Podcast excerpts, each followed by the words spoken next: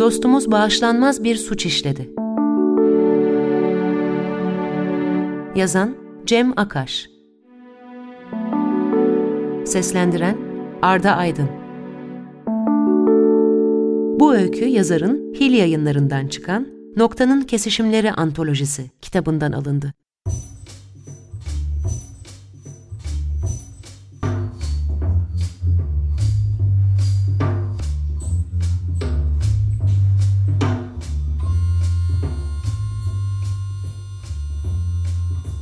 Böyle olmasını hiçbirimiz beklemiyorduk. Yani neresinden bakarsanız bakın, Can mantıklı ve aklı başında bir insandı. Normal miydi? Sanırım can alıcı bir soru olabilir bu. Sabah kalktığında banyoya gidip aynadaki yüzle konuşan biri normal midir? Kızıl derililerin bir bildiği vardır diye mümkün olduğunca fotoğraf çektirmekten kaçınan biri. Kesin bir yanıt vermenin güç olduğunu görüyorsunuz. Elimizdeki ipuçları yeterli değil. Ön yargımıza göre iki yöne de çekilebilir. Düşüncemize uygun olarak yorumlanabilirler. Oysa ön yargılardan kurtulmamız gerekiyordu. Can'ın davranış bozukluğunu daha iyi kavrayabilmemiz için. O yüzden yukarıdaki örnekler göz önüne alınmadı. Daha somut bazı göstergeler olmalıydı. Yıllarca anlaşılabilir davranışları saptamış ve emretmiş bir beynin bir gün aniden yoldan çıkmasını, çarpık komutlarla içinde barındığı bedeni böylesine bir suça yönlendirmesini açıklayacak, en azından olası ve anlaşılabilir kılacak bazı göstergeler.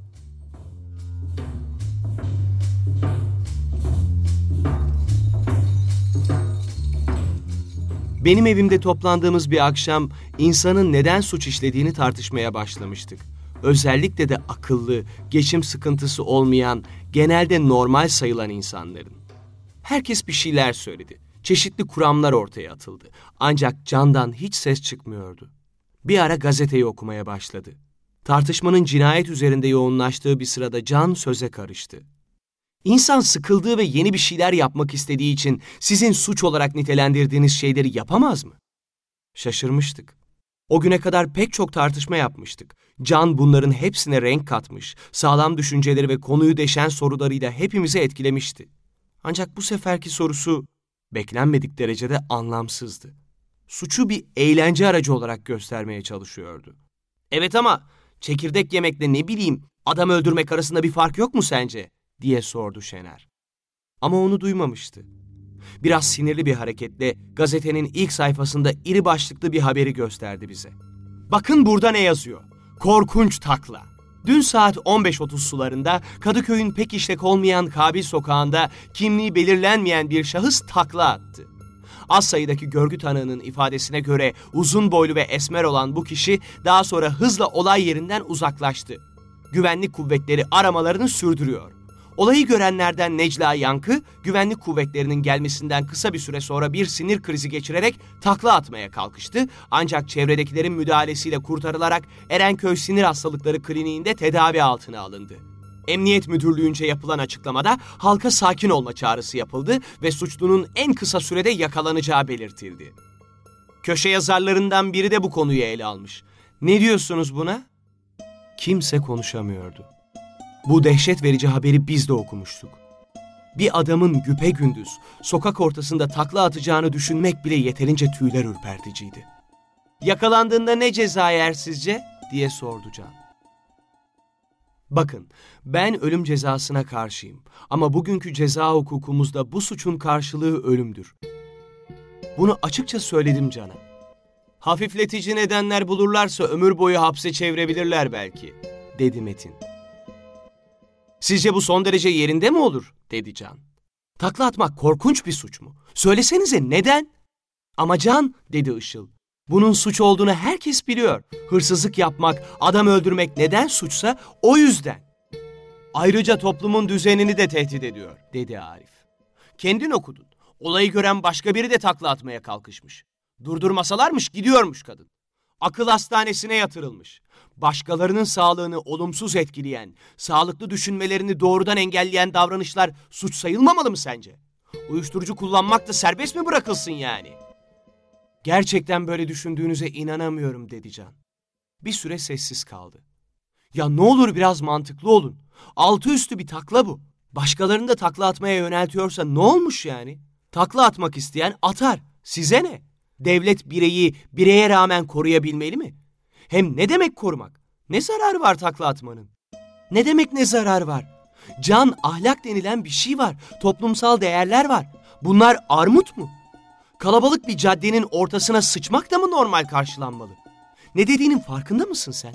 Takla atmayı nasıl savunursun? Işıl gerçekten içerlemişti. Can gülmeye başladı.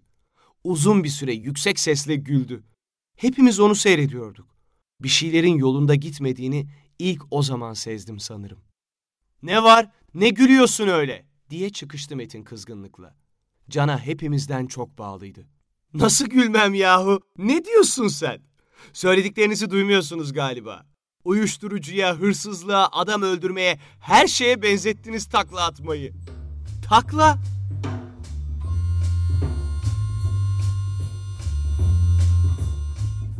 Duraksadı. Hepimizi teker teker süzdü. Sonra yeniden sırıtmaya başladı. Şimdi çaktım. Ulan ben de ciddi ciddi cevap veriyorum. Bayağı iyi işlettiniz beni. Helal olsun. Sazan gibi yuttum ben de. Biraz duruyor. Sonra yeniden kıkırdamaya başlıyordu. Alay mı ediyorsun diye sordu Şener. Bence senin dışında herkes çok ciddi burada. Tamam tamam çok ciddisiniz peki. Ya bırakın artık. Benim karnım acıktı. Bir şeyler yemek isteyen var mı? Gülümsedi. Bizimle gerçekten alay ediyor gibiydi. Hava çok gerginleşmişti. Pek iştahınız yok demek. Peki. Mutfağa doğru giderken birden döndü. Aklıma ne geldi? Gazetede yazan olayı ben yaratmış olsaydım. Taklayı sokağın ortasında ben atmış olsaydım yani. Ne yapardınız? Kes artık, saçmalıyorsun, dedi Metin. Peki, öyleyse itiraf ediyorum. Dün 15.30 sularında Kadıköy Kabil sokakta takla atıp kaçan uzun boylu, esmer şahıs benim. Dün bizimle birlikteydin unuttun mu? dedi Işıl. Modada Polanski'nin filmine gittik, sonra da McDonald's'ta bir şeyler atıştırdık. Tamam ama bir ara yanınızdan ayrıldım. Birkaç dakikalığına. Fark etmemiş olabilirsiniz. Kabil Sokak ana caddeye çok yakın. Bilirsin arada sırada gruptan kopup ara sokaklara dalmak gibi huylarım vardır. Bu sefer de öyle yapmıştım. Canım birden takla atmak istedi, ben de attım. Pencereden bakan bir kadın avaz avaz bağırmaya başlayınca da koşarak uzaklaştım ve yanınıza gelip hiçbir şey olmamış gibi davrandım. Oldu mu? Evet, öyle bir huyu vardı gerçekten ve bunu da gariplikler listesine eklememizin doğru olacağını düşünüyorum. Söylediklerinin doğru olma olasılığı vardı. Bir ara yok olmuştu biz yürürken. Ama Can böyle bir şey yapacak insan değildi. Bir ara sokağa girip takla atmak. Can topluma saygılı ve akılcı bir insandı. Böylesine bir saçmalığa kalkışmış olamazdı. Bize anlattıklarıyla çileden çıkartmaya çalışıyormuş ve ne yapacağımızı izlemekten büyük bir zevk duyuyormuş gibi bir hali vardı. Sırf bizi kızdırmak için söylüyor olabilirdi bütün bunları. Ama bundan sonra yaptığı şey tüm kuşkularımızı sildi. Can artık bildiğimiz can değildi. Dengesiz davranışlarda bulunan, suç eğilimleri gösteren tehlikeli bir insandı o. Bana inanmıyorsunuz galiba, dedi. İyi öyleyse size bir takla atayım da görün. Ben bu işin kitabını yazmış adamım. Ve ardından da halının üzerinde dediğini yaptı. Işıl yerinden fırlamıştı ama onu durdurmayı başaramadı. Can yerde oturmuş bize gülüyordu. Metin üzerine atladı Can'ın. Yakasına yapıştı. Neden yaptın bunu? Neden? Allah kahretsin. Işıl pencerenin önüne gitti. Ağlıyordu. Ne yapacağımızı bilemez haldeydik. En sevdiğimiz dostumuz gözlerimizin önünde cezası ölüm olan bir suç işlemişti. Diğerlerine baktım. Hepsinin yüzünde bu sözcükler yankılanıyordu. Cezası ölüm olan bir suç. Can doğruldu. Hepinize öneririm. Çok rahatlatıyor insanı. Yeter artık! Bu adam çıldırmış. Onu böyle oturup izleyecek miyiz? Cenk bir şeyler söylesene! Diye bağırdı Şener. Haklıydı. Can dedim. Durumun farkındasın herhalde. Lütfen sırıtmayı bırak ve beni dinle. Biz senin en yakın arkadaşlarınız ve sen hepimizin önünde korkunç bir suç işledin. Çok zor bu. Bilinçli insanlar olarak şu anda bizim görevimiz seni polise bildirmek. Öte yandan hepimizin çok sevdiği cansın sen. Ne yapmamız gerekiyor sence? Ben bu gece buraya hiç gelmedim. Hiçbir şey bilmiyorum dedi ışıl hıçkırıklarının arasında. Eşyalarını toparlamaya başlamıştı. Hiçbir yere gitmiyorsun dedi Can. Yerinde oturuyorsun ve Cenk Bey'in başkanlığında bu vahim soruna acil bir çözüm getiriyoruz. Metin Can'ın üzerine yürüdü ama Şener son anda araya girmeyi başardı. Metin'in gözleri yaşlarla doluydu. Allah kahretsin! Ne yapmaya çalışıyorsun sen be? Kaçırdın mı? Biraz olsun düşünemiyor musun? diye haykırdı. Can bir süre Metin'e, sonra bize baktı. Sonra yeniden gülmeye ve alkışlamaya başladı. Muhteşem! Olağanüstü bir gösteri. Daha iyisi olamazdı. Oyunu kusursuz oynuyorsunuz. Buna takla atılır. Ve salonun ortasında takla atmaya başladı. Durmaksızın.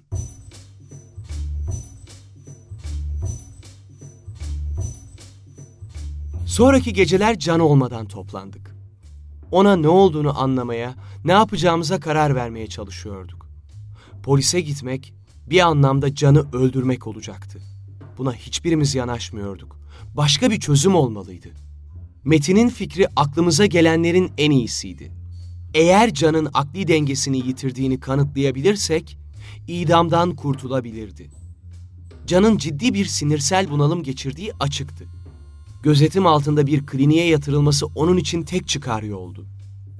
Böylece hem olayı gizlemiş olma yükünden kurtuluyor, hem de bir zamanlar aklı ve zekasıyla bizi büyüleyen canın iyileşebilmesi için elimizden geleni yapmış oluyorduk. Uzun süre bir başlangıç noktası bulamadık.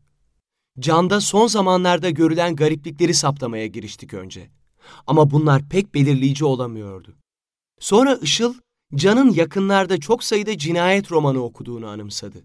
Bu bir ipucu olabilirdi. Bir gece Can'a gittim. Hangi kitapları okuduğunu görmek için. Belki bir şekilde bu cinayetlerden etkilenmiş, suç işlemeye karşı olan direnci zayıflamıştı. Can, takla atma konusunda düşüncelerini değiştirmiş olabilir misin? diye sordum. Ah ne geceydi ama. Müthiştiniz. Ama itiraf et benim taklalar da fena değildi ha. Gözlerine yine o parıltı gelmişti.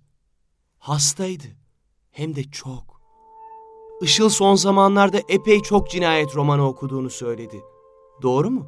Evet, bir sürü Agatha Christie. Cinayet etiği üzerine seninle konuşmak isterim. Kitapları görebilir miyim? İşte. Ne yapmaya çalışıyorsun? Bak Can, seninle açık konuşacağım. Sinirsel bir rahatsızlık geçirdiğini düşünüyorum. Bununla birlikte giden bir de suç işleme dürtüsüne karşı koyamama durumu var. Okuduğun kitapların böyle bir etkide bulunmuş olabileceğinden kuşkulanıyoruz. Biz ha? Hala o takla oyunu. Çok eğlenceli doğrusu. Ben de oynamak isterim. Candaki suç eğilimlerinin kaynağını saptama kurulu. Bak ne diyeceğim. Şu kitapları incelemek gerçekten iyi fikir. Hadi bakalım işe yarar bir ipucu bulabilecek miyiz? Bir zamanlar hayranlık uyandıran bir beyne sahip bu insanın böyle bir duruma düştüğünü görmek kahrediciydi. Kitaplara bakmaya başladım. O da aynı şeyi yapıyordu. Tamam buldum işte dedi birden. Buna ne dersin? Sirkimize hoş geldiniz adlı bir kitaptı bu. Konusu ne diye sordum. Cinayet. Küçük bir şehirde peş peşe insanlar öldürülüyor. Çok garip biçimlerde. Sonunda katilin oraya gelen sirkte çalışan bir akrobat olduğu ortaya çıkıyor. Ve işte süper ipucu. Hastings çocukken bir keresinde babasının nasıl takla attığını anlatırken çözüyor Poirot bütün cinayetleri. Nasıl? Daha iyisi olamaz değil mi?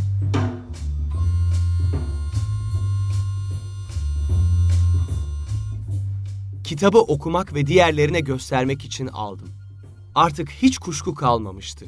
Can bilinç altında okuduklarından etkilenmiş ve bu durum geçirdiği herkesin başına gelebilecek hafif ruhsal bunalımla birleşince ortaya bu üzücü sonuç çıkmıştı. Ancak bu ruhsal bozukluk nedeniyle işlediği suçtan sorumlu tutulamazdı. Dostları olarak onun bir kliniğe yatırılmasının en iyisi olacağına karar vermiştik. Bu karara vardıktan sonra durumu açıklayan bir rapor yazmaya koyulduk, savcılığa verilmek üzere. Yazmayı bitirdiğimiz akşam Can çıka geldi. Aa bu hiç olmadı işte. Ya benden habersiz kurul nasıl toplanır? Neler yapıyorsunuz bakalım? Metin kararımızı Can'a anlattı. Güzel, güzel dedi Can. Keyiflenmiş gibiydi. Çok iyi düşünmüşsünüz. Polisi kim oynuyor peki? Ben tanıyor muyum? Işıl yine pencereden dışarı bakmaya başladı. Can'ı böyle görmeye dayanamıyordu.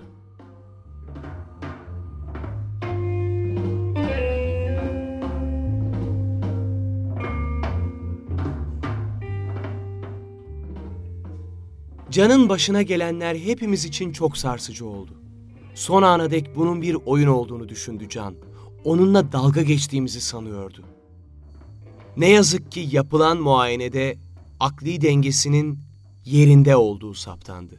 Doktoru da bizim ayarladığımıza inanıyordu. Mahkemede sürekli güldü. Bazen ayakta el çırpmaya başlıyor, bravo, bravo diye bağırıyordu. İşlediği suçun nedenli ağır olduğunu kavrayamıyordu. Ve onu çok sevmemize karşın Can'ın eskisi gibi olmadığını açıkça görüyorduk. İnanmak istemiyorduk ama o işlediği suçtan zevk duyan bir cani olmuştu ve eline fırsat geçse aynı şeyi hiç çekinmeden yeniden yapardı. Bu aşamadan sonra onu korumaya çalışmak, aynı suçu paylaşmak olacaktı. Cezayı ömür boyu hapse çevirmek için yaptığımız girişimlerden de bir sonuç çıkmadı. Can idam edileceğine de hiç inanmadı. Son sözleri hepimize büyük acı verdi. Baksanıza demişti. Metafizik komedi kumpanyasının bir üyesi olmak harika. Sizin kadar yetenekli rol arkadaşı kaç kişiye nasip olur? Bundan sonraki çalışmalarımızı filme alalım. İdam sehpasında da o deli gülüşüyle gülmüş olmalı.